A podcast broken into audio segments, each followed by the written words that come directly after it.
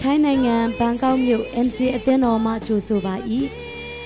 ဤတရားစကားတော်သည် အသက်ရှင်သောကြောင့်သင်ဤဘဝတစ်ခုလုံးပြောင်းလဲပြီးကောင်းချီးဖြစ်မည်ဟုကျွန်ုပ်တို့ယုံကြည်မျှော်လင့်ပါ၏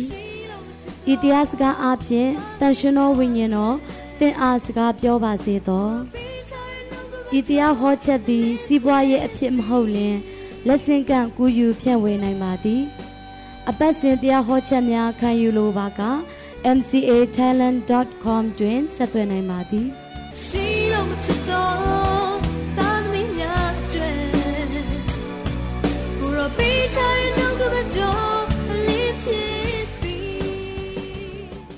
ထိုနောက်မှငါကြည့်လျင်အသီးအသီးဘာသာစကားကို ပြောသောလူအမျိုးအနွယ်ခတ်သိမ်းတို့အထက်မှထွက်၍အဘယ်သူမျှ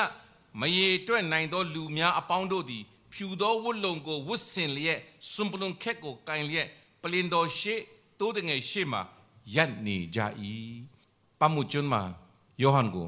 ဖျားခင်ပြတဲ့ယူပါယုံဖြစ်တယ်။တနေ့ဧကန်အမှန်ကောင်းကင်မှာကြုံတွေ့ရမယ်မြင်တွေ့ရမယ်မြင်ကွင်းဖြစ်တယ်။ ယနေ့ငါမသေးရသေးအသက်ရှင်၍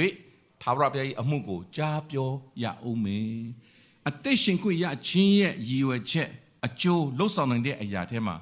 ဒီနေ့ယူပါယုံရှိဖို့အရေးကြီးပါတယ်။ဘုရားခင်ရှိတဲ့နေရာမှာယူပါယုံပေးသောနေရာယူပါယုံအသစ်တွေပေါ်ပြသောနေရာယူပါယုံအသစ်ရပြီးယူပါယုံကို catch the vision ဖမ်းမိပြီးတော့မှပြန်သောနေရာဖြစ်ဖို့အရေးကြီးပါတယ် ဒီယူပါယုံကကောင်းကင်မှာလာသောယူပါယုံဖြစ်တယ်ဘုရားခင်ပေးသောယူပါယုံဖြစ်တယ်တနေ့ကြရင်တဲ့လူအမျိုးအနွယ်အသီးသီးဘာသာစကားအသီးအမျိုးမျိုးပြောကြတဲ့ခတ်သိမ်းသောအမျိုးအနွယ်တွေမရေမတွက်နိုင်တဲ့လူတွေကဘုရားသခင်ရှေ့တိုးတငယ်ရဲ့ပလင်တိုးတငယ်ရှေ့မှာနော်ပလင်တော်ရှေ့မှာရပ်ပြီးတော့ဘုရားကိုချီးမွမ်းကြမှာဖြစ်တယ်အဲ့ဒီအဖြစ်အပျက်ဖြစ်ဖို့ရအတွက်ဖြစ်စေဖို့ယနေ့ကျွန်တော်တို့ကိုဘုရားကအသက်ရှင်ခွင့်ပေးထားသေးတာဖြစ် ဘယ်သူပါပါမပါပါဘုရားသခင်ကသူ့ရဲ့အလိုတော်ကိုပြည့်စုံစေနိုင်သောဘုရားဖြစ်တော်လဲဒီနေ့တင်းနဲ့ကျွန်တော်ကိုဘုရားကအသက်ရှင်ခွင့်ပေးထားသေးတာကသူ့ရဲ့အလိုတော်အကြံစီတော်တဲ့မှာပါဝင်ဖို့အခွင့်ဘုရားပေးထားသေးတာဖြစ်တယ်ဒီနေ့ကျွန်တော်တို့ကောင်းကင်ဘုံမှာစုနဲ့တော်ဖူဒီဆုလက်တွေကိုရရှိဖို့ရန်အတွက်ဘုရားကကျွန်တော်တို့အတွက်အကြံစီထားပြီးသားဖြစ်တယ်ဒါကြောင့်ကျွန်တော်တို့တက်တာပြန်စဉ်းစားကြည့်ရအောင်ကြော်ကြမအသက်ရှင်ခြင်းကဘုရားသခင်အတွက်နိုင်ငံတော်အတွက်အတိတ်ပဲရှိသောအသက်တာဖြစ်ရဲ့လားနော် အာဒမ်ဘုရားဒီစကားနားမထောင်ဘဲနဲ့အပြစ်လောကတိကိုဝင်လာတဲ့အခါမှာအေဒင်ဥယျင်ထဲမှာအာဒမ်ရှိပါတယ်ဒါမှဘုရားသခင်ကသူတို့ကိုလာရှာတယ်တဲ့ဥယျင်တော်ထဲကမျက်မှောက်တော်ထဲကပျောက်သွားတာမဟုတ်ဘူးအကြံအစီတော်ထဲကပျောက်သွားတာဖြစ်တယ်ဘုရားသခင်အကြံစီတော်ပါလဲလူတွေဘုရားသခင်ကိုတိလာဖို့နဲ့ဘုရားသခင်ကိုလူတော်အကြံစီတော်ဤမြေကြီးပေါ်မှာတင့်အပြည့်ပြည့်စုံဖို့ရန်အတွက်ဖြစ်တယ်လူတိုင်းတမန်ကယ်တင်ခြင်းကိုရပြီးတမန်တရားကိုသိဖို့ဖရားအလိုတော်ရှိတယ်။ အဲ့ဒီဖရားအလိုတော်ရှိတဲ့အကြံစီတော်ထဲမှာတင်းတဲ့ကျွန်တော်ကိုလည်းဖရားကယနေ့အသုံးပြုခြင်းတယ်ဖြစ်တယ်။အဲ့လိုအသုံးပြုတဲ့အခါမှာတင်းမှာရှိတဲ့အနှဲငယ်သောအရာကိုလည်းဖရားကစိတ်ဝင်စားပြီးအဲ့ဒီအနှဲငယ်သောအရာနဲ့ဖရားကအသုံးပြုနိုင်သောဖရားခင်ဖြစ်တယ်။ဒီနေ့အဲ့ဒီဖရားခင်ပြတဲ့ယူပါယုံကိုပြန်ပြီးတော့မြင်အောင်ကြည့်ကြရအောင်။မရေမတွက်တဲ့လူတွေမြောက်များစွာဖရားခင်ရှေ့တိုးတငယ်ရှေ့ပလင်တော်ရှေ့မှာကျွန်တော်တို့ကဖျားငယ်ရှေ့မှာချီးမွမ်းကိုးကွယ်မဲ့သူတွေဖြစ်တယ်။ အဲ့ဒီရဖြစ်ဖို့ရန်အတွက်ယနေ့တင်တဲ့ကျွန်တော်ဘယ်နှစ်ယောက်ကိုအဲ့ဒီထက်ကိုကျွန်တော်တို့ခေါ်ဆောင်ပြီလဲဆိုတာကအရေးကြီးပါတယ်။ဒါချစ်တော်ညီကောင်မတို့ငါမပြောတတ်ဘူးငါမလုပ်တတ်ဘူးအားနေတယ်ဆိုတဲ့အရာကိုမပြောကြစို့နဲ့နော်။46ခုမြောက်သောဆာလံထဲမှာဘေးရောက်သည့်ကာလအထူးသဖြင့်ကူမတော်မူကြောင်းထင်ရှားတဲ့ဘုရားသခင်ဖြစ်တယ်။နော်။လောကကြီးထဲမှာအရှားပါဆုံးအရာကပါလေပတ်စံလည်းမဟုတ်ပါဘူးပတ်စံရှားပါပြီမဲ့ တွေ့ရသေးတယ်တွေ့မြင်နေရသေးတယ်လောကမှာအရှားပါဆုံးအရာကမေတ္တာဖြစ်တယ်လောကမှာရှားရအခက်ဆုံးအရှားပါဆုံးကမေတ္တာဖြစ်တယ်အဲ့ဒီမေတ္တာကဖယားသခင်ထမလာတော်မေတ္တာဖြစ်တယ်ဖယားသခင်သည်ချစ်ချင်းမေတ္တာဖြစ်တော်မူ၏ဖယားသခင်သည်ငါတို့ကိုအရင်ချစ်တော်ကြောင့်ငါတို့ဒီဖယားသခင်ကိုချစ်ကြတယ်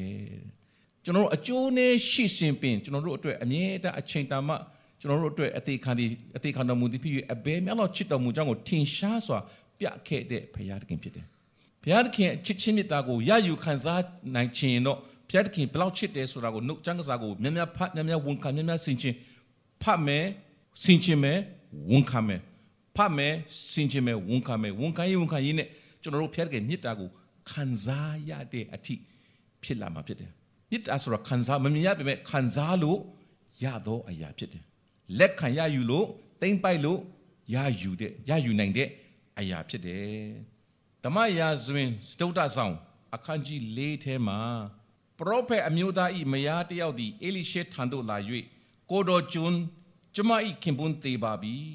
ကိုတော်ကျွန်းသည်ထာဝရဘုရားကိုယိုသေးတော်သူဖြစ်သည်ကိုကိုတော်သိတော်မူ၏ယခုမှအကျွေးရှင်သည်ကျမဤသားနှစ်ယောက်ကိုအစကျွန်းခံစေခြင်းကလာပါပြီဟုကြွေးကြော်လေ၏ ကဲကိုဆိုးရွားသောအခြေအနေလမ်းဆုံးမျိုးလင့်ခြင်းမရှိတော့ဘူးပေါ့နော်ဇနီးတဲ့ဒီအနေနဲ့အဓိကအကိုရမန်နိုင်ကခင်ပွန်းတယ်ဖြစ်တယ်ဒုတိယထောက်တိုင်တွေကတော့သားတွေဖြစ်တယ်ဆိုတော့ပထမမနိုင်ဖြစ်တဲ့ယောက်ျားလည်းတည်ပြီးတည်တဲ့ကြားထဲမှာအကျွေးတွေအများကြီးနဲ့အကျွေးမဆနိုင်တဲ့အတွက်အကျွေးရှင်ကသားနဲ့ကိုလာသိမ်းတော့မယ်ဆိုတော့ဒီတဲ့ဆိုးတဲ့အခြေအနေတော့မရှိတော့ဘူးဒီကျွန်တော်တို့ရဲ့တတာမှာလဲအခြေအနေဆိုးပါပြီလမ်းဆုံးပါပြီမျိုးလင့်ချက်မရှိတော့ပါဘူးလို့ထင်သော ထင်ရတဲ့အခြေအနေရှိကောင်းရှိပါလိမ့်မယ်စိတ်မပြည့်တဲ့ညီအကိုတို့ဒီနေ့အဲ့ဒီလိုအခြေအနေရောက်ပြီဆိုရင်တင့်အနာမှာဘုရားသခင်ရှိတယ်ဆိုတာကိုတတိယစေခြင်းတယ်ဘုရားသခင်ကဒုက္ခရောက်တဲ့ကမှာဘေးရောက်တဲ့ကာလမှာအထူးသဖြင့်ကုမတော်မူကြောင်းထင်ရှားလျက်ရှိ၏နော်တက်တဲ့ခံစရာတွေခေါ်လိုက်ရင်တော့တက်တဲ့ခံစရာတွေအများကြီးရှိမှာပါနော်တကယ်ပါဘေးရောက်တဲ့ကာလမှာကိုတော်ကုမကြောင့်ထင်ရှားတဲ့အရာတွေကမြောက်များစွာရှိပါတယ်ယခုလက်ဒီမုတ်ဆိုးမ သူခင်ပွန်းတွေကပရောဖက်ဖြစ်တယ်တဲ့မှုတော်ဆောင်ဖြစ်တယ်သို့တော့ဘာမှချမ်းမထားခဲ့ဘူးအကျွေးပဲချမ်းထားခဲ့တယ်အခြေအနေတအားဆိုးနေပြီနောက်ဆုံးမျိုးလင့်ချက်ကင်းသွားတဲ့အချိန်မှာဘသူရောက်လာလဲလို့ပြောတဲ့ကမှာအေလိရှဲကလည်းတင့်အဖို့အဘယ်သို့ငါပြုတ်ရမည်နီဖះလူရောက်လာတယ်ငါဘာလုပ်ပေးရမလဲဒီတင့်ကိုလည်းဖះကငါဘာလုပ်ပေးရမလဲလို့မင်းနေတော်မူသောဖះကပြတာတမီးတို့တင်းတို့အတွက်ငါဘာလုပ်ပေးရမလဲနော် ဒီနေ့ကျွန်တော်တို့လှုပ်ပေးနိုင်သောဖះရှိတယ်လှုပ်ပေးခြင်းသောဖះရှိတယ်လှုပ်ပေးနေသောဖះရှိတယ်ဆိုတာကိုခွန်အားယူစေချင်ပါတယ်တင့်အိမ်၌အဘယ်ဥစ္စာရှိသည်နည်းဟုမေးလျင်ဖះကလှုပ်ပေးတဲ့အခါမှာဘာမှမရှိတဲ့အခြေအနေကနေပြီးတော့ကောင်းကင်ကနေပြီးတော့မာနမုတ်လဲချပေးနေတဲ့ဖះဖြစ်တယ်လို့တောမှာလဲလမ်းမရှိတဲ့နေရာမှာလဲလမ်းဖြစ်စီတော်မူသောဖះ သဲကောင်သဲကနာရကိုလည်းညစ်ရည်စီးဆင်းစီနေတော်မူသောဖခင်တနည်းအားဖြင့်ဖခင်မတတ်နိုင်တော့မှုမရှိဘူးလို့ပြောနေတာပေးတဲ့အခါမှာလည်းရှံလျက်ပေးသောအရာဖြစ်တဲ့တဘာဝလွန်တကိုးတော်အပြင်ပေးနိုင်တော်မူသောဖခင်သခင်ဖြစ်တယ်ဆိုတာကိုပြောနေတာဖြစ်တယ်ဒီနေ့ကျွန်တော်ဘက်ကဖခင်သခင်ကိုဘယ်လိုမြင်တယ်လဲဘယ်လိုယုံတယ်လဲဘယ်လိုသဘောထားတယ်လဲအရေးကြီးပါတယ်တင်ယုံကြည်ရင်တင်ယုံကြည်သည့်အတိုင်းဖြစ်မယ်လို့ဖခင်ကဂတိရှိတော်မူသောဖခင်သခင်ဖြစ်တယ်ဆိုဆိုတော့တချင်းနေကျွန်တော်ဆိုသွားတယ် ယူပါယုံအသစ်တွေပေါ်ပြသောနေရာတဲ့ဘုရားခင်ရှိသောနေရာထူးခြားသောနေရာဖြစ်တယ်အသင်းတော်လာတဲ့ခါမှာဘုရားသခင်နဲ့တွေ့မဲ့နေရာဖြစ်တယ်ယူပါယုံအသစ်ကိုဘုရားပေးမယ်ဆိုတာကိုမျှော်လင့်ပြီးတော့ယုံကြည်ပြီးတော့လက်ခံပြီးတော့ပြန်သွားရင်တော့တကယ်ပဲယူပါယုံအသစ်နဲ့ပြန်သွားရမှာဖြစ်တယ်ထုံးစံရှိသည့်အတိုင်းလာရင်တော့လည်းထုံးစံရှိသည့်အတိုင်းပဲပြန်သွားဖို့ပဲရှိပါတယ်လို့တော့လာတဲ့အခါမှာဖခင်ကိုစာငတ်တော်နှလုံးသားနဲ့လာကြရအောင်စာငတ်တော်တို့ကိုဝါစွာကြွေးမယ်လို့ဂတိရှိတော်မူသောဘုရားခင်ဖြစ်တယ်အာမင်ကျွန်တော်ရဲ့ဝိညာဉ်ကျွန်တော်တို့ ခန္ဓာကိုယ်မှာအစာလူရင်အစာဝရင်ခန္ဓာကိုယ်ကနေလို့ထိုင်လို့အဆင်ပြေတယ်လေနော်ဒီလိုပဲစိတ်လဲစိတ်ပျော်ရွှင်ရွှင်လန်းသွားရင်ပျော်သွားရင်စိတ်ကိုလည်းစန္ဒဖြည့်လို့ရတယ်လို့ဝိညာဉ်ကလည်းအာဟာရဖြည့်ဖို့လိုပါတယ်ဝိညာဉ်အစာဖြည့်ဖို့လိုပါတယ်အဲ့ဒါကဖျားတဲ့တပါးတည်းပဲဖြည့်နိုင်တာဖြစ်တယ်တို့ဘုရားခင်တဲ့နှလုံးသားထဲမှာလိုအပ်သောလီဟာနေထဲမှာဘုရားခင်အသင်ကိုသူ့ရဲ့မြစ်တန်ဒီနေ့တွန်းလောင်းပေးပါစေလို့နော်ဆိုဘယ်လိုတွေ့ရလဲလို့ပြောတဲ့အခါမှာဘာရှိတယ်လဲတဲ့ မေးတယ်တိမတင်းကိုတိမလည်းဖျားခင်မေးပါတယ်တာတမင်တစ်စမှာဘာရှိတယ်လဲတင်ဘာလောက်တတ်တယ်လဲဘာလောက်နေတယ်လဲဆိုတာကိုဖခင်ကစိတ်ဝင်စားတဲ့ဖခင်ဖြစ်တယ်တင်လုံနိုင်တဲ့အနှဲငယ်သောအရာနဲ့ဖခင်နဲ့ပေါင်းလိုက်ရင်ကြီးမားသောအမှုဖြစ်သွားမှာဖြစ်တယ်ဆရာတကောက်ကောင်းကင်မှာအစီဝေးတော့တဲ့တော့အခန်းဖော်ယူဒီယာလူငယ်လေးတယောက်နဲ့စကားပြောစကားဆက်မိတယ်ဘာတာဘာလုပ်တယ်လဲဆိုတော့သူကအယုတ်တွေကိုပကြီးဟိုဆေးချေတဲ့အလုပ်လုပ်တယ်တဲ့ဆိုတော့မင်းအဲ့ဒါနဲ့ ဟိုတင်းရဲ့လိုအပ်မှုတလစာလိုအပ်မှုဝမ်းရေးပြေလေလားဆိုပြေလေတဲ့ရှန်တယ်ဆရာတဲ့ကျွန်တော်စိတ်ဝင်စားသွားတယ်အဲ့တော့ဘာဘယ်လိုအလုပ်လဲဆို तू ဖះကိုဆွတ်တော့တယ်ဖះတခင်ကျွန်တော်ဘာမှမတတ်ဘူးကျွန်တော်ကဆေးရောင်ခြေတက်တဲ့တာတခုပဲတတ်ပါတယ်တဲ့ကျွန်တော်ကိုအဲ့ဒါနဲ့ပတ်သက်ပြီးတော့လိုအပ်တဲ့ဉာဏ်ပညာပေးပါလို့ तू ဆုတောင်းတဲ့အခါမှာဆရာတော့မသိဘူး तू ပြော तू ပြောပြမှသိတာလေနော်အယုတ်ကလေးတွေသူတို့အယုတ်ကလေးတွေဈေးကြီးတယ်လို့ပြောတယ် တစစီလောက်ထားတဲ့အယုတ်လေးတွေကိုအဲ့ဒါကိုအယုတ်တွေစင်ရတယ်အယောင်တွေခြေရတယ် အဲ့လိုအယောင်ခြေပြီးတဲ့ကအဲ့ဒီခြေတဲ့ခါမှာသူတို့ကအဲ့ဒီအယုတ်တွေကလည်းတရုတ်တည်းမဟုတ်ဘူးတဲ့သူတို့စစ်တက်တက်စစ်တက်တက်တန်နဲ့တန်နဲ့အဲ့ဒါဖွဲ့ပြီးတော့အယောင်တွေခြေကျက်တဲ့ကာလာတွေလုတ်ပြီးတော့မှသူတို့ကြားကွက်စစ်တူရင်ကစားတယ်လို့ကြားကွက်ထိုးတယ်လို့ကစားကစားတာတဲ့သူ့ကိုဖျက်ခင်သူဖျက်ခင်ဆိုဆူတောင်းပြီးတော့လုတ်တဲ့အခါမှာတဲ့သူစပြီးတော့အယုတ်ချယ်နေဆိုပြီးတော့ကြေညာလိုက်တဲ့အခါမှာအဲ့ဒီအယုတ်ကဈေးကြီးတဲ့အခါမှာတထေးကလေးတွေတော့ပဲဝယ်သုံးနိုင်တယ်လို့ပြောတယ်သူကဈေးချယ်တယ် အဲ့တရုတ်ကိုဈေးချယ်ပြီးရင်ဘယ်လောက်ရလဲဆိုပတ်တထောင်ရတယ်တဲ့အဲမစိုးဘူးပဲလို့တရက်ကိုပဲနေရုပ်လောက်ဈေးချယ်လို့ရတယ်လဲဆိုတော့တရုတ်ကနေနေရုပ်လောက်ဈေးချယ်လို့ရတယ်တဲ့သူကဈေးချယ်ပေးတဲ့အခလဲယူတယ်လို့အဲ့ဒီဈေးချယ်ထားပြီးတော့အယုတ်တွေကလာရွေးတွေကလေးတွေလည်းသူကစားပေးတယ်တဲ့ကစားပေးတဲ့ခါမှာသူတို့ကအဲ့ဒါသူတို့စိတ်ဝင်စားတဲ့ကစားနီ games လို့ပြောတယ်ဆိုတော့အဲ့ဒီနည်းအဖြစ်သူကသူ့ရဲ့အသက်မွေးဝမ်းကြောင်းကိုဘုရားကမဆတာတွေ့တဲ့အခါမှာ အနည်းငယ်သောအရာဘာမှထင်ကြီးစရာအကြောင်းမရှိဘူးလေနော်စေးချေတတ်တဲ့အရာဆိုတာဒါပေမဲ့အဲ့ဒီအရာအဖြစ်ဘုရားကအလုတ်လုတ်တတ်တယ်ဆိုတာကိုတွေ့ရတယ်နော်ယိုဒီယာမျိုးသမီးတယောက်ကျမအမေကတဲ့ငပိထောင်းတတ်တဲ့အမွေတစ်ခုပဲပြခဲ့ပါတယ်တဲ့ငပိထောင်းဆိုဘယ်သူအထင်ကြီးမလဲဘယ်သူမှထင်မကြီးဘူးနော်ဒါသူဆူတောင်းတယ်ဖျားခင်ကျမတတ်တာဒီတမျိုးပဲတတ်ပါတယ်ဒီတမျိုးကိုဖျားခင်ကောင်းကြီးပေးပါလို့ဆူတောင်းတဲ့ကမှာဖျားကသူ့ယူပါယုံပေးတယ်တဲ့ငါသမီးအများကြီး ထောင်းမဲ့အစာကြိတ်မဲ့ဆက်အကြီးကြီးကိုဝယ်ပါလို့ပြောတယ်တဲ့အဲ့ဒီအချိန်မှာ तू ကတရက်လုံးစူးစမ်းပြီးရောင်းမှ3-4ကီလိုလောက်ပဲ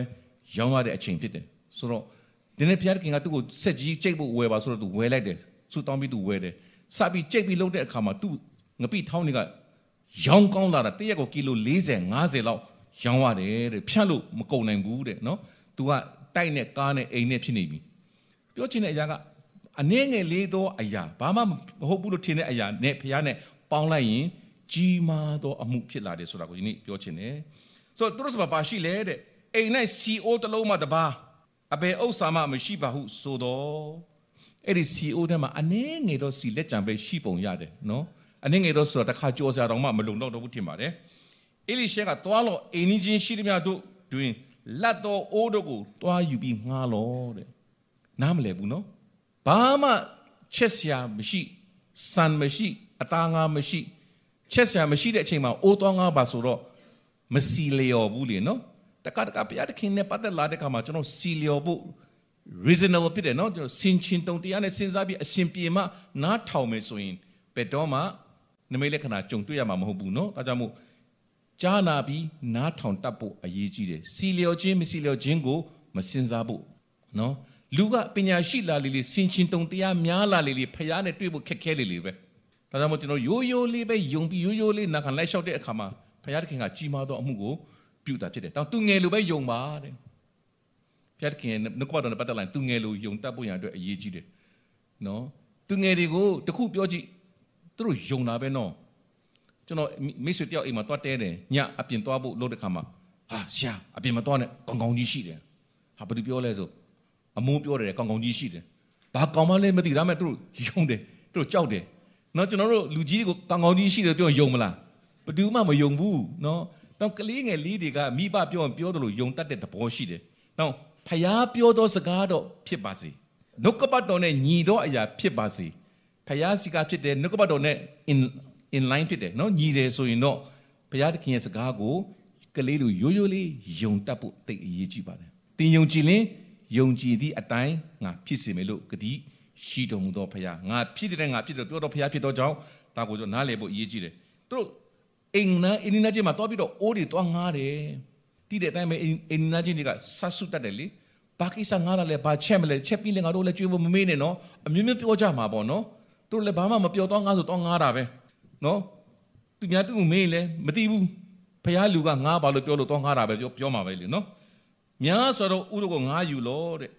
ကိုအိမ်တို့ရောက်သောအခါတားတို့ကိုခေါ်၍တကားကိုပိတ်ပြီးမှငားယူသောအိုးများအထက်တို့စီကိုအပြည့်လောင်း၍ထားလို့ဟုစီရင်သည်အတိုင်းဆိုတော့သူ့အိမ်ထဲမှာရှိတဲ့စီအိုးလေးစီလေးလက်ကြလေးနည်းနည်းလေးရှိတဲ့အရာအိုးတွေကအများကြီးပဲအဲ့ဒီအိုးအများကြီးထဲမှာစီနည်းနည်းလေးကိုဖြည့်ပါဆိုတော့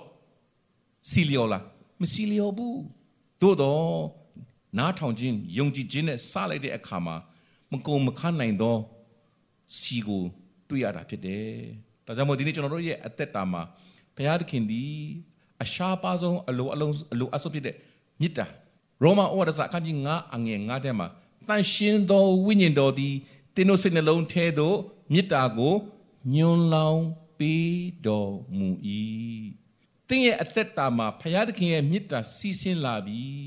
ဝင်လာပြီးပြည့်လာပြီးဆွဆွတ်လာပြီးဆိုရင်လေ နံပါတ်1တင်းကိုယ်တိုင်အင်မတန်မှဝမ်းမြောက်ပျော်ရွှင်သောအသက်တာကိုရတာဖြစ်တယ်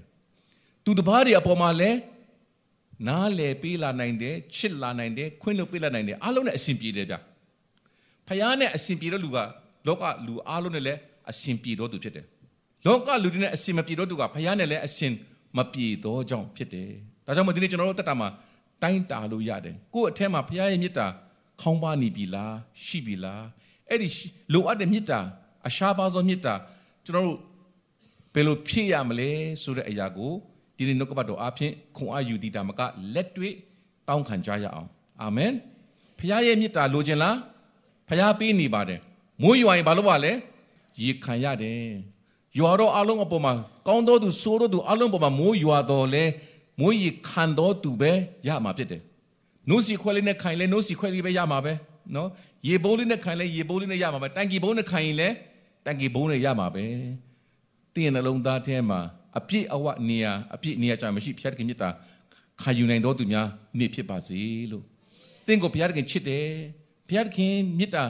နားလေစီပါထည့်ပေးပါလို့တောင်းကြည့်ပါဆရာနှစ်ကြိမ်သုံးကြိမ်လောက်ကြုံဘူးတဲ့အရာလေးတွေရှိတယ်နော်ဆရာအမြဲတမ်းပြောပါတယ်ခရုစိတ်တစ်ခုမှာဘုရားခင်မြတ်တာကြွလာတဲ့တမနဲ့ရှိတယ်အားလုံးငြိမ်သွားတယ် အားလုံးမျက်မျက်မျက်နှာတွေကပြောင်းလဲသွားတယ်တယောက်နဲ့တယောက်ရင်းပြီးတော့ဖက်နေကြတယ်။အိုးမြည်ရကြတယ်လူကကြငြိမ်သက်သွားတယ်တခါလုံးငြိမ်သွားတယ်။ဆရာလည်းချက်ချင်းအပေါ်တက်သွားပြီးတော့ဘုရားခင်မြတ်တာညွှန်လောင်းပြီးနေပြီ။အားလုံးမြတ်တာကိုခံယူကြပါယူကြပါမိုးရွာတော့ရေခမ်းတယ်လို့ယူကြပါဒီနေ့လည်းဆရာဆူတောင်းပါတယ်ဤခန္ဓာမှာဘုရားခင်မြတ်တာတွန်းလောင်းကြလာပါစေလို့เนาะကျွန်တော်ခံယူကြရအောင်ဘုရားခင်ကျွန်တော်ကျမကိုဒီလောက်တောင်ချစ်သလားချစ်ဆရာမကောင်းတဲ့ကျွန်တော်ကျမကိုဒီလောက်တောင်ချစ်သလားဘာလို့ကိုတော့ကျွန်တော်ကိုချစ်တယ်လဲ ဘာကြောင့်အာဗြဟံကိုဘုရားကောင်းကြီးပေးတယ်လဲသူတစ်ပါးကိုကောင်းကြီးပေးတော့သူဖြစ်ဖို့ဘုရားခင်ကျွန်တော်ဘာလို့မြတ်တာပေးတာလဲသူ့ရဲ့မြတ်တာသူများကိုပေးတော့သူဖြစ်ဖို့ရန်အတွက်ဘုရားကပေးတာဖြစ်တယ်အာမင်ဆိုတော့ဒီနေရာမှာဘာတွေ့ရလဲလို့ပြောတဲ့ကမှာတားတွေကိုခေါ်တယ်တဲ့တနည်းအားဖြင့်မိသားစုကနေစတယ်ချစ်ချင်းမြတ်တာဘယ်ကစမလဲမိသားစုကနေစမယ်နော်အချို့လူတွေကအပြင်ကလူတွေနဲ့တအားကောင်းတယ်သဘောကောင်းတယ်အအဆင်ပြေတယ်အိမ်မှာကျတော့တအားကြမ်းတယ်အဆင်အဆင်မပြေဘူးဖြစ်တတ်တယ်နော်ဖြစ်တတ်တယ်နော် ဒါကြောင့်ဒီနေ့ကျွန်တော်တို့အိမ်ကနေစပါဖြစ်တယ်အင်္ဂလိပ်စတာလည်းအိမ်ကနေစတာဖြစ်တယ်ကိုတက်တဲ့အလင်းလင်းတာလည်းအိမ်ကနေစရမှာဖြစ်တယ်အိမ်မှာကအလင်းလင်းဖို့မေတ္တာပြဖို့အခက်ခဲဆုံးနေရာပဲအဲ့ဒီနေရာမှာအောင်မြင်ကျန်တဲ့နေရာမှာအောင်မြင်ဖို့လွယ်လွယ်လေးပဲဖြစ်တယ်သဘောတူလားဒီ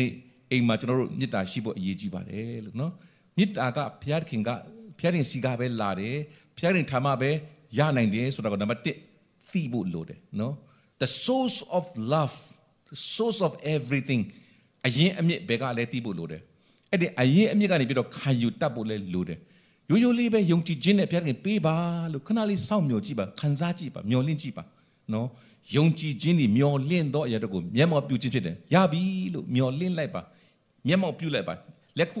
ရပြီလို့စဉ်းစားလိုက်ပါအဲ့ဒီခါမှာစိတ်ရှည်ခြင်းတဘောကစူးစမ်းပြီးစိတ်ရှည်တာမဟုတ်တော့ဘူးသူ့ဟာသူကိုစိတ်ရှည်လာတာအာမင် ချစ်စရာမကောင်းတဲ့လူကိုလည်းချစ်လာနိုင်တာဖြစ်တယ်သားတွေကိုလည်းခေါ်ပါမိသားစုအားလုံးကိုခေါ်သွင်းလိုက်ပြီဖြစ်တယ်ပြီးရင်ဘာလို့လဲတကားတွေပိတ်ခိုင်းတယ်အဲ့ဒါကအကြောင်းရှိတယ်ဘာကြောင့်လဲလို့ပြောတဲ့အခါမှာသူတို့ရဲ့ဘာလုပ်မလဲဆိုတာကိုအိုးငှားပြီးလိုက်ရတဲ့အိန္ဒိနာကြီးတွေလည်းဆတ်ဆုပြီးလာကြည့်မှာပဲပြူတိပြူတိနဲ့လာကြည့်ကြမှာပဲနော်ဘုရားတကယ်တဘောကလေ तू နမိတ်လက်ကလာလောက်တော့မယ်ဆိုရင်ရေရခေါမြို့ကိုဖြိုမဲ့အခိုက်ဖြိုမဲ့အမှုမှာ ဘယ်နှချိန်ပတ်ခိုင်းလဲတရက်ကိုတစ်ချိန်နောက်ဆုံးနေ့မှာခုနှစ်ချိန်မပတ်ခိုင်းဘူးလားပတ်တဲ့အခါမှာဘာလို့လဲဘာစကားတစ်ခုမှမပြောနဲ့တဲ့လူကတိတဲ့အတိုင်းပဲလေတခါပတ်လို့ဘာမှဖြစ်မလာဘူးဆိုရင်ဘာဘာဖြစ်လို့များပတ်ခိုင်းတာလဲကွာနေကလည်းပူပင်ကလည်းပင်ပန်းလူကလည်းများအော်အတိတ်ပဲမရှိတဲ့အလုပ်ကိုလုပ်ရတာလောက်စိတ်ပြက်စရာကောင်းတာမရှိဘူးလေနော်ဒါအလုပ်ကဘာမှအတိတ်ပဲမရှိဘူးလို့တင်ထင်လောက်ရတာစိတ်ပါလား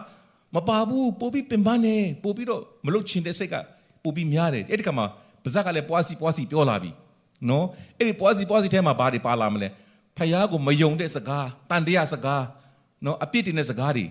ပါလာပြီနော်တောထဲမှာဘုရားခင်ကကောင်းစွာကြွေးတဲ့ဂျားတဲ့ကနေမောရှိငါတို့တောထဲမှာခေါ်လာတာတောထဲမှာသေဖို့လားသေဖို့ခေါ်လာတာလား အေဂုတုပြည်မှာအိုကင်းနာမှာနေပြီးတော့အမဲသားစားသေးတယ်အခုငါတို့ကရေလည်းမရှိတော့ဘူးသေတော့မယ်ဆိုပြီးတော့အမျိုးမျိုးအပြစ်တင်ကဲ့ရဲ့ကြတယ်လူကအပြစ်တင်ဖို့တိတ်လွယ်တယ်နော်အပြစ်တင်တတ်တဲ့သဘောကအရင်ရှိတယ်မှတ်ထားပါအပြစ်တင်တတ်တဲ့သဘောကဖခင်စီကလာတာလားစာရန်စီကလာတာလားကဘာဦးကြမှာမမိလားဖခင်ပေးတဲ့မိန်းမကပြောလို့စားမိတာပါအာဒမ်ကအေဝါကိုအပြစ်တင်တယ်အေဝါကဘာလို့အပြစ်တင်လဲမွေကိုအပြစ်တင်တယ်နော်ငါတို့စကား နားမတော်မိဘူးခွင့်လွတ်ပါလို့တရားမှခွင့်လွတ်တောင်းတရဖို့လာမတွေ့ဘူးသူတစ်ပါးကိုအပြစ်တင်ဖို့မြင်တယ်အဲ့ဒါကဆလာတာပဲနော်ကျွန်တော်တို့တဏ္ဍာမှာလဲဖြစ်လာရင်ဘု து ကိုအပြစ်တင်ဖို့လဲဆိုတာအရင်ရှာတယ်လေကိုအပြစ်ကိုကိုရင်မမြင်ဘူးနော်ဆိုတော့ဒီနေ့ကျွန်တော်ရဲ့တဏ္ဍာမှာတကားပိတ်ခိုင်းနေဆိုတဲ့အရာကနှလုံးသားရဲ့တကားပေါက်ကမျက်စိနဲ့နားဖြစ်တယ်နှလုံးသားကဆုံးဖြတ်တဲ့အရာအားလုံးကအုံနောက်ထက်ကရောက်လာပြီးတော့အုံနောက်ကစီမံခန့်ခွဲတဲ့ကမှာ ကျွန်တော်တို့ရဲ့ခန္ဓာကိုယ်ကဒူစီရိုက်လက်နဲ့ဖြစ်လာရတာဖြစ်တယ်။စာနာမဏလာပြီးတော့အတွေ့အခေါ်တွေပေးတဲ့ကမှာအုံနောက်ကိုအရင်လာတယ်။စဉ်းစားပြီးတော့မှကျွန်တော်တို့ကသဘောတူလိုက်ပြီးဆိုရင်နှလုံးသားထဲရောက်လာပြီဆိုရင်အဲ့ဒါကအပြစ်ဖြစ်သွားပြီ။မကျွန်တော်တို့မနောကနဲ့ပြစ်မှားပြီပေါ့နော်။ကာယကနဲ့မပြစ်မှားသေးဘူးအထက်မှာရောက်သွားပြီ။နှလုံးသားထဲမှာရောက်သွားပြီသဘောတူလိုက်ပြီလက်ခံလိုက်ပြီဆိုတာနဲ့နှလုံးသားကသစင့်အုံနောက်ကိုတော့အုံနောက်ကသစင့်စီမံခန့်ခွဲပြီးတော့ခန္ဓာကိုယ်ကဒူစီရိုက်လက်နဲ့ပြုတော့မှာဖြစ်တယ်။ဒါကြောင့်မို့ guard your heart တင်းနှလုံးကိုအထူးသဖြင့်စောင့်ရှောက်ပါတဲ့နှလုံးကပါတယ်လေအသက်ဤအခြေအမြင့်ဖြစ်တော့ကြောင့်အထူးသဖြင့်တင်းရဲ့နှလုံးကိုစောင့်ရှောက်ပါတဲ့အဲ့ဒီနှလုံးကိုစောင့်ရှောက်ဖို့ရအတွက်တင်းရဲ့မျက်စိဘာမြင်တယ်လဲဘာကြည့်တယ်လဲဆိုတာကအရေးကြီးတယ်တင်းကြည့်တဲ့အရာမြင်တဲ့အရာကတင်းရဲ့အတွေးထဲမှာတင်းနှလုံးသားထဲမှာနေရာယူလာပြီးစိုးမိုးလာတဲ့ကမှာကောင်းတဲ့အရာကိုကြည့်ရင်ကောင်းတဲ့အရာကစိုးမိုးလာမှာဖြစ်တယ်မကောင်းတဲ့အရာကိုကြည့်ရင်မကောင်းတဲ့အရာကစိုးမိုးလာမှာဖြစ်တယ်နော် လူတိုင်းလူတိုင်းမှာဇာတိနဲ့ဝိညာဉ်ဆိုတာကရှိနေသေးတာဖြစ်တယ်။ born again ဖြစ်တော်ညာလဲဝိညာဉ်ကအတိတ်ပြုတ်ပြီးတော့တော်ဖြစ်တော်ညာလဲကျွန်တော်ရဲ့စိတ်နဲ့ခန္ဓာကဇာတိနဲ့ရှင်ပြိုင်နေရသေးတာဖြစ်တယ်။လူတိုင်းမှာဇာတိနဲ့ဝိညာဉ်ရှိတယ်။ကောင်းတာနဲ့မကောင်းတာကိုသိတဲ့စိတ်ရှိတယ်။ဇာတိကိုအခွင့်ပေးမိရင်ဇာတိစကားပြောလာမယ်။ဇာတိအကျင့်တွေပေါ်လာမယ်။ဝိညာဉ်ကိုအခွင့်ပေးရင်ဝိညာဉ်သဘောပြောမယ်။ဝိညာဉ်အရေးအရာကျွန်တော် မြင်လာမှာဖြစ်တယ်เนาะပြောလာမှာဖြစ်တယ်ဒါကြောင့်ကျွန်တော်တို့ကဘာကိုအခွင့်ပေးတယ်လဲဘာကိုအခွင့်မပေးတယ်လဲဆိုတဲ့အပေါ်မှာပဲမူတည်တာဖြစ်တယ်ဒါကြောင့်ကျွန်တော်တို့တက်တာမှာဝိညာဉ်တက်ရင်းကျက်လာဖို့ဆိုတာဝိညာဉ်ကိုများများမြင်ဝိညာဉ်ရေးရမှာမြင်တတ်ဖို့ဝိညာဉ်တဘောရှိဖို့ဝိညာဉ်တဘောနဲ့မြင်တတ်ဖို့ရန်အတွက်အရေးကြီးတယ်အာမင်တင်းရဲ့ဝိညာဉ်ဟေဘရဲအခန်းကြီး30အငယ်14မှာအကြောင်းမူကားစင်ကြယ်ခြင်းတို့ရောက်သောငါတို့အဖို့ထာဝရစုံလင်ခြင်းအကျိုးကိုရစေခြင်းကခရစ်တော်ဒီ တစ်ကြိမ်ဒီအသေးခံတော်မူ၏ဒီနေ့ဝိညာဉ်ကအရေးအကြီးဆုံးဖြစ်တယ်ဒီဝိညာဉ်ကဖခင်နဲ့အပြစ်ကြောင့်အဆက်ပြတ်သွားတော်လဲယေရှုခရစ်တော်ကိုကယ်တင်ရှင်ဖြစ်ယုံကြည်လက်ခံလိုက်တဲ့အချိန်ကစပြီးတော့အသစ်ပြန်လည်ပြီးတော့မွေးဖွားပြီးတော့အသစ်တော်ဝိညာဉ်အဲ့ဒီအသစ်တော်ဝိညာဉ်ကအသစ်တော်တတော်ဖြစ်တယ်အသစ်တော်ဝိညာဉ်ကစုံလင်သောဝိညာဉ်ဖြစ်တယ်ဖခင်နဲ့အဆက်ရသောအဆက်ရှိနေသောဝိညာဉ်ဖြစ်တယ်အဲ့ဒီအဆက်ရသောအဆက်ရှိရှိနေသောဝိညာဉ်ကထာဝရစုံလင်ခြင်းအကျိုးရဖို့ ဖခင်ကအတည်ခံခဲ့တာဖြစ်တယ်အာမင်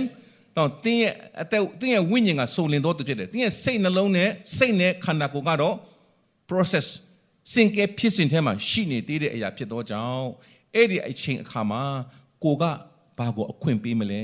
တင်ကပဲဆုံးဖြတ်ပိုင်ခွင့်ရှိတာဖြစ်တယ်နော်တင်ပါပဲမြင်မြင်နှုတ်ကပတ်တော်နဲ့ filter လို့ခေါ်တယ်စကားနဲ့စစ်ပြီးတော့ကြားစံနဲ့ညီတဲ့အရာကိုယူတတ်ဖို့ကြားစံနဲ့မညီတဲ့အရာကိုဖယ်ရှားတတ်ဖို့ဆုံးဖြတ်ပိုင်ခွင့်ရှိတာကတင်ပဲဖြစ်တယ် အာမင်တော့တင်ဘယ်အရာကိုရွေးမလဲဆိုတဲ့ဆုံးဖြတ်ပိုင်ခွင့်ကိုတင့်ကိုဘုရားကပေးထားတယ်အခွင့်အရေးအာဏာလည်းပေးထားတာဖြစ်တဲ့ကြောင့်နှုတ်ကပတ်တော်နဲ့ညီတော်မှန်သောအရာကိုပဲဆုံးဖြတ်ချက်ရယူဖို့ရတဲ့ဒီနေ့ကျွန်တော်တို့ဆုံးဖြတ်ချက်ချဖို့လိုတယ်တန်တိတန်ချဖို့လိုပါတယ်နော်ဒါကြောင့်ကျွန်တော်တို့ရဲ့အသက်တာမှာဝိညာဉ်နဲ့ဆိုင်တဲ့အရာကိုပဲယူမယ်လို့ခံယူပြီးတော့မှပြန်သွားကြရအောင်အဲ့ဒီခါကြတော့မှဘုရားတခင်ကယူပါယုံအသစ်တွေပေါ်ပြလာမှာဖြစ်တယ်ဘုရားနဲ့အဆက်ရပြီဆိုရင်တော့ဘုရားတခင်စီကစီးဆင်းလာတော့မှာဖြစ်တယ်ကြားသောအရာ နော်ကျွန်တော်တို့နှုတ်ကပတ်တော်ကြားသောအချိန်နဲ့လောကစကားတန်ကြားသောအချိန်ဘယ်ဟာပိုများတယ်လဲရိုးရိုးလေးပဲနော်စဉ်းစားကြည့်တပတ်မှာ9ရက်ရှိတယ်9ရက်မှာမှတရက်ပဲ Sunday Sunday မှာမှတနိုင်နနိုင်လောက်ပဲကျွန်တော်တို့ကဘုရားသခင်အတွက်ကြားဖို့အချိန်လာပေးကြတယ်အဲ့လိုနနိုင်ထဲမှာတော့မှကျွန်တော်တို့ကတခါတခါစိတ်ကလွင့်နေသေးတယ်ကျွန်တော်ကြားတစ်ချက်မကြားတစ်ချက်ကရှိသေးတယ်တော့ကျွန်တော်ဘာကြားတယ်လဲဘာသွေးနေလဲဆိုတော့အရင်မကြည့်ဘူးလားကြီးပါတယ်ဒါကြောင့်ကျွန်တော် နှုတ်ကပတ်တော်များများကြားသောနေရာမှာရှိပါစေဖျားတခင်မျက်မှောက်တော်ရှိတဲ့နေရာမှာဖျားတခင်ရဲ့အတန်ရှိတဲ့နေရာမှာယူပါယုံအတိတ်တွေပေါ်ပြတဲ့နေရာမှာတင်ရှိရင်တင်လဲဝိညာဉ်တော်အဖြစ်ပေါ်ပြခြင်းကိုခါရမဲ့သူဒီဖြစ်လာမှာဖြစ်တယ်ဒါကြောင့်ကိုယ်ပိုင်နေရာမှာနေတယ်လေဘယ်သူနဲ့ပေါင်းတင်တယ်လဲဆိုတာကအရေးကြီးပါတယ်ကိုယ့်ရဲ့ကိုယ်ပိုင်အချိန်မှာလဲ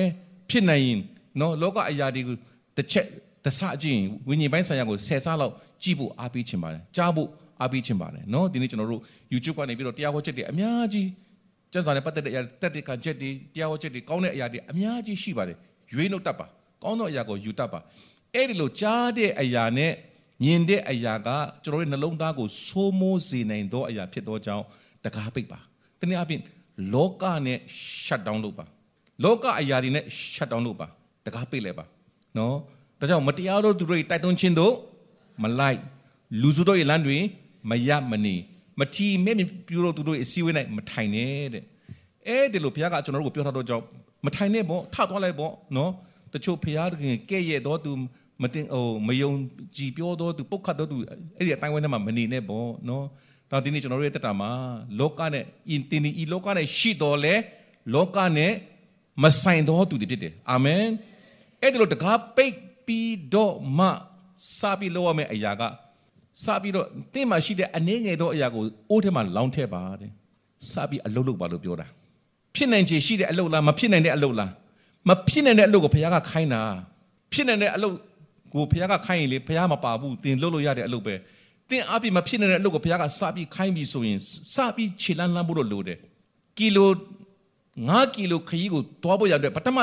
ခြေလန်းတလန်းမလန်းမဲနဲ့ဘယ်တော့မှမရအောင်မရောက်နိုင်ဘူးနော်ကိုကအစမပြုတ်ရင်ဘယ်တော့မှဘာလုံးမှ မဖြစ်ဘူးဆိုတာကိုပြောချင်တယ်ပါတယ်နော်ပမာတချင်းရှိတယ်လေထိုင်နေလို့တော့ဘာမှဖြစ်မလာဘူးစပြီးထဖို့တော့လိုတယ်ထလို့လင်းလို့ဒီတဲ့ဖျားခင်ကတင်းအလင်းဒီတန်ထန်တို့ရောက်လာပြီတဲ့အာမင်ဒါကြောင့်နှုတ်ကပတ်တော်ယူပါယုံအစ်စ်တွေပေါ်ပြလာတဲ့အခါမှာအဲ့ဒီယူပါယုံအစ်စ်တွေကိုစပြီးလှုပ်ဖို့ဖျားခင်တင့်မှာဘာရှိတယ်လဲလို့မေးနေပြီဖြစ်တယ်တင်ဘာချမ်းပိုက်ရတယ်လဲတင်ဘယ်ဘာအကြောင်းအာတန်တယ်လဲအဲ့တာကိုဖျားလက်ထက်မှာအပ်ပြီးတော့ စပြီးလှုပ်ကြည့်ပါနော်စပြီးလောင်းတဲ့အခါမှာဟာလေလုယာအဲ့ဒီနည်းနည်းလေးရှိတဲ့စီကမကုံနိုင်ဘူးတဲ့စီးစင်းလာတယ်တဲ့ဘလောက်ဝမ်းသာစရာကောင်းမလဲနော်စပြီးနမိတ်လက္ခဏာမြင်ရတဲ့အခါမှာစီရချင်းထက်နမိတ်လက္ခဏာဖြစ်စေတော့ဘုရားတင်တဲ့အတူရှိတယ်ဆိုသိရခြင်းကတာ၍ဝမ်းမြောက်စရာအကြောင်းဖြစ်တယ်တော့တင်းရဲ့အသက်တာမှာဖယားသခင်ကိုတာ၍တိကျွမ်းမှုဖယားအလိုရှိတယ်တိကျွမ်းခြင်းပညာတစ်ခုတိုးပြီဆိုရင်တင်းရဲ့ဝမ်းမြောက်ခြင်းကတဆင့်တက်ပြီဖြစ်တယ်စီထက် စီကိုဖြစ်စေသောဖယားကိုတိဖို့အရေးကြီးတယ်ကောင်းကြီးထက်ကောင်းကြီးဖြစ်စေသောဖယားကိုတိကျွမ်းဖို့ရန်အတွက်တာ၍အရေးကြီးတယ်တင်းရဲ့အတူဖယားရှိတယ်ဆိုတာစိတ်ချတဲ့အရာလောက်ငြိမ်သက်ခြင်းရှိတာဝမ်းမြောက်ခြင်းရှိတာဘာမှမရှိတော့ဘူးဒါကြောင့်ချစ်တော်ညီကောင်မောင်တို့ဒီနေ့ CO ထဲမှာ C ကိုလောင်းထည့်တယ်လောင်းထည့်တယ်လောင်း to the maximum နော်ရှိတယ်မြအိုးအင်းနာချင်းရှိတယ်မြစီမှာတွားပြီးတော့ငားတယ်ဆိုတော့စဉ်းစားကြည့်အောင်ဒီအခန်းထဲမှာအိုးအပြည့်ရှိတယ်ဆိုတော့ဒီအခန်းထဲမှာရှိတဲ့အိုးအပြည့်ကို ဖြည့်ထားတယ်ဆိုတော့ဘယ်လောက်ထိများသွားလဲဆိုရင်အဲ့ဒီ C ကိုရောင်းပြီးတော့အကျွေးဆက်လိုက်တယ်အကျွေးအလုံးဆက်ပြီးခြေတဲ့အပြင်ပို့သေးတယ်အဲ့ဒါနဲ့ဗာပြောလဲဆိုလို့ရှိရင်ရောင်းပြီးအကျွေးကိုဆက်လို့ကျွင်းသောစီကိုအမိပြု၍တင်နှင့်သားတို့သည်အသက်မွေးကြလို့ဟုဆို၏လက်ထက်မှာရှိတဲ့စီလက်ကျန်စီလေးနဲ့အကျွေးကြေဒီတာမကနော်အသက်မွေးဝမ်းကြောင်းလုပ်ဖို့ရတဲ့ယဉ်နီးမှုတော်မှာဘုရားကပေးနိုင်တော်ဘုရားတခင်ဖြစ်တယ်။ တောင်းတင့်ကိုဖန်ဆင်းတော်ဘုရားတခင်ဒီတင့်အထဲမှာဘာအစွမ်းရှိတယ်လဲဆိုတာဘာ potential ရှိတယ်လဲဆိုတာဘုရားကသိတော်မူသောဘုရားမြင်တော်မူသောဘုရားဘုရားနဲ့တင်အတူတူအလုပ်လုပ်ဖို့ပဲအရေးကြီးတယ်။လူကကိုအစွမ်းရှိသည်များနဲ့ကိုတတ်သည်များနဲ့ကိုကကိုပဲလုတ်တတ်တယ်လို့လုတ်တတ်တဲ့သဘောရှိတယ်နော်နောက်ဆုံးအမတာမန်ရှော့ဘရဘုရားကအလိုတော်ပဲလေဆိုပြီးတော့ဘုရားကိုအပြစ်အပြစ်တင်ကြတယ် no no no ဘုရားကအလိုတော်ကအဲ့ဒါမဟုတ်ဘူး ဘုရားကအလိုတော်ကသူ့အတန်တော်ကြားတတ်ဖို့သူ့ကိုတိဖို့ရတဲ့ပထမဖြစ်တယ်သူ့ကိုတိမယ်သူ့အတန်ကိုကြားမယ်သူနဲ့အတူလက်တွဲလှုပ်လာပြီးတော့မှဖြစ်လာတဲ့အခါမှာဘုရားကောင်းကြီးအပြင်တင်ဘဝတတာလူတွေမနာလိုရလောက်အောင်လူတွေအန်အောရလောက်အောင်အိနီနာချင်းတွေအန်အောရလောက်အောင်တင်ကိုဘုရားကအသုံးပြုချင်တာဖြစ်တယ်လို့ဒါကြောင့်မို့ဒီနေ့ကျွန်တော်တို့တတာမှာတင်ဒီအခက်ခဲဆုံးအခြေအနေမျောလင်းချက်ကင်းနေတဲ့အခြေအနေလမ်းဆုံးရောက်နေတဲ့အခြေအနေရှိနေပါလိမ့်စေဘုရားခင်တင့်ကိုမင်းနေပြီငါသားတင်ဘာလို့တတ်လဲနော် ငပိထောင်းမထောင်းတတ်တယ်ရတယ်အဲ့ဒီငပိထောင်းနဲ့ငါကောင်းကြီးပေးမယ်နော်ဘုရားလို့တတ်လားလို့တတ်တယ်နော်ဒီနေ့တင်ရဲ့တက်တာမှာရှိတဲ့အရာကိုအထင်မသေးနဲ့ဘုရားပေးထားသော talent စုကျေစုဖြစ်တယ်ကောင်းကြီးဖြစ်တယ်အဲ့ဒါကိုမြင်တတ်ဖို့ဖခင်ကိုမြင်တတ်တော့သူကဖခင်ပြီးတော့အရာကိုလည်းမြင်တတ်တယ်ဖခင်ပြီးတော့အရာကိုလည်းတန်ဖိုးထတ်တတ်တယ်ဖခင်ပြီးတော့အရာကိုလည်းအသုံးချတတ်တယ်ဖခင်ကိုမသိတဲ့အမကိုလူကတော့အဲ့ဒီအရာအားလုံးကကျွန်တော်ဖြုံးတီးခြင်းထဲမှာ ရောက်သွားလိမ့်မယ်အချိန်ကိုလည်းဖြုံးတယ်ကျွန်တော်ရဲ့အစွမ်းတတ္တိကိုလည်းဖြုံးတယ်စဉ်းစားတဲ့အရာကိုလည်းမစဉ်းစားတော့ဘူးနော်တခြားအရာတွေကိုပဲ junk တွေပဲအမိုက်တွေကိုပဲစဉ်းစားပြီးတော့ဘာမှကောင်းကြီးရှိမှာမဟုတ်ဘူးဆိုတော့ဒီနေ့နှုတ်ကပတ်တော်အဖြစ်တင်ယူကြရအောင်ဒါကြောင့်မို့တင်ကိုဖျားတဲ့ချစ်တယ်တန်ဖိုးထားတယ်တင်မှာဘာရှိတယ်လဲလို့မင်းနေတာဖြစ်တယ်ကြောင့်အိမ်ရောက်ရင်ပြန်စဉ်းစားပါနဖူးပေါ်လက်တင်ပြီးတော့ငါမှာဖျားခင်ပေးထားတဲ့ဘာကောင်းကြီးရှိတယ်လဲဒီမှာရှိတဲ့လူတွေအရောက်စီတိုင်းမှာစုကျေးဇူးအမျိုးမျိုးရှိတယ်နော်အဲ့ဒီစုကျေးဇူးတွေကိုရေးပြီးတော့ကျွန်တော် ဒီမှာလာပြီးတော့စာရွက်တွေကိုပုံခိုင်းမယ်ဆိုရင်လေအားလုံးပေါင်းလိုက်ရင်လေတင်အန်အောသွားလိမ့်မယ်အန်အောသွားလိမ့်မယ်အဲ့ဒီစုကျေးဇူးတွေကိုအထင်မသေးနဲ့ဖခင်နဲ့အတူပေါင်းပြီးတော့လုပ်ပါလို့နော်ဒါဒီနေ့ကျွန်တော်တက်တာမှာဖခင်သခင်စီကလာတဲ့အရာကိုတန်ဖိုးထားပါဖခင်နဲ့အတူလက်တွဲပြီးအလုပ်လုပ်ပါလောကအတန်ဒီကိုကြားဖို့နားကိုပိတ်လိုက်ပါလောကအတန်ဒီကိုတကားပိတ်ပါလောကအမြင်တွေကိုမျက်စိကိုတကားပိတ်လိုက်ပါ အခန်းထဲဝင်လာတဲ့အခါကျတော့မှဖခင်သခင်ကတင်းနဲ့စပြီးတော့အလုပ်လုပ်မှာဖြစ်တယ်။အဲ့ဒီအရာတွေကို shut down လုပ်ပြီးမှဖခင်ကတင်တဲ့အတူအလုပ်လုပ်မဲ့ဖခင်ခင်ဖြစ်တယ်။အာမင်။အဲ့ဒီလောကအရာတွေနဲ့ရောပြုံးရှုပ်ထွေးနေတဲ့အခါမှာဖခင်ကရှုပ်ထွေးတဲ့အရာကိုမပေးဘူးတဲ့ဖခင်ကရှင်းလင်းတဲ့သဘောကိုပေးတာဖြစ်တယ်။ဆိုတော့တင်တဲ့အတူဖခင်အလုပ်လုပ်ချင်တာဖြစ်တယ်။လူတွေများများစွာကယေရုရှလင်မြို့ကိုတွားပြီးတော့ခရစ်တော်ရဲ့ခြေရာတော်ကိုတွားပြီးတော့မြင်ကျင်ကြတယ်။မမပါဘူးကောင်းပါတယ်။အဲ့ဒီရောက်တဲ့လူတိုင်းကလည်း သူတို့ပြောတယ်ပြောကြပါတယ်။တွားရတာအင်မတန်မှတန်တယ်နော်။တကယ်ပဲခံစားရတယ်ဘုရားရှိခဲ့တဲ့နေရာဘုရားခင်ချေရတော့သို့တော့ယေရှုခရစ်တော်တက်တော်တင်ရှားရှိစဉ်တုန်းကမရောက်ခဲ့ဘူးသောနေရာတင်းနဲ့အတူဘုရားကတွားချင်တာဖြစ်တယ်။တင်းအားနေသောအစွမ်းကိုဘုရားကအသုံးပြုပြီးတော့ကြီးမားသောအမှုကိုပြုချင်သောဘုရားခင်ဖြစ်တယ်။ရောက်တန်ဘုရားခင်ကောင်းကြီးပေးပါစေ။